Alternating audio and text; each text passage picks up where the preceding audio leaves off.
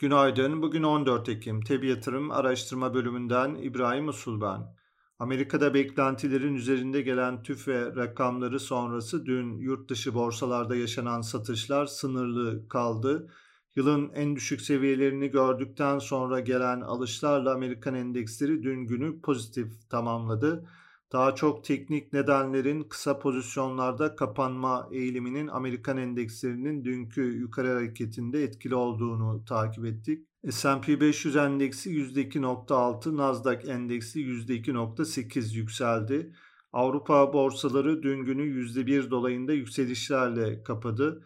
Dolar endeksi ve ABD tahvil faizleri hafif geriledi. Ons altın fiyatı yükseldi. Yurt dışı borsalar haftanın son işlem gününe olumlu başlıyor.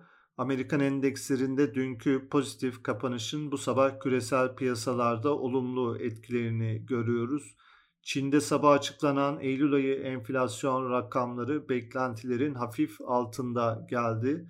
Asya borsaları pozitif, Avrupa borsalarının %2'ye yakın yukarıda açılması bekleniyor. Amerikan endeksleri vadeli tarafta da bu sabah yukarıda. Ons altın ve petrol fiyatları güne başlarken dünkü kapanış seviyelerine yakın yatay. Küresel tarafta bugün Amerika'da açıklanacak olan parakende satışlar ve Michigan Tüketici Güven Endeksi verileri takip edilecek.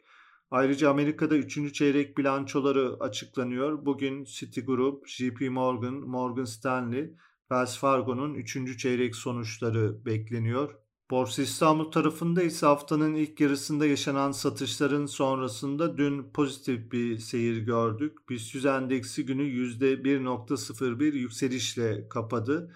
Haftanın son işlem gününe de Borsa İstanbul'un pozitif tarafta başlamasını öngörüyoruz.